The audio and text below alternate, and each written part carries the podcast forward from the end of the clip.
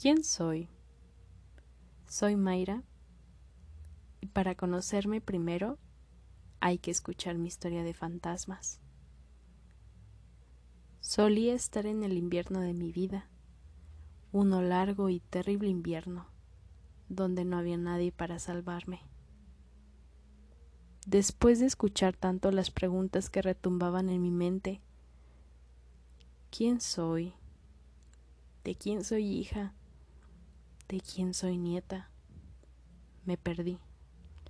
Y por más que me decían a dónde debería de ir, no estaba segura de ello. Pero ahora entiendo que ser mayor es regalarnos a nosotros mismos.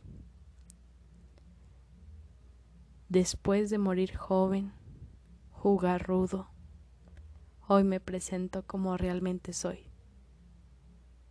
Confío en la bondad de los extraños.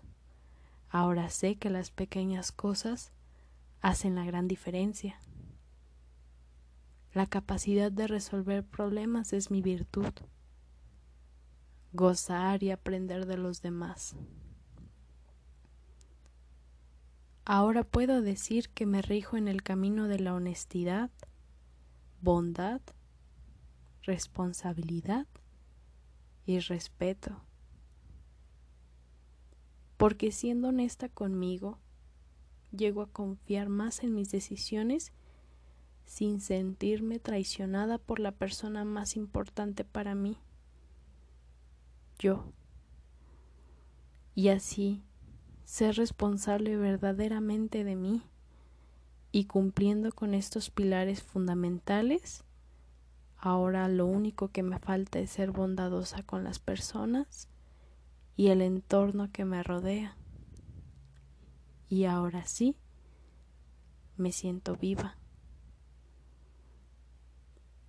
Por último, el respeto. En palabras sencillas, sin respeto, no hay chispa. Soy libre y fuerte. Estoy plena y feliz. Y así seguiré por los años que me restan.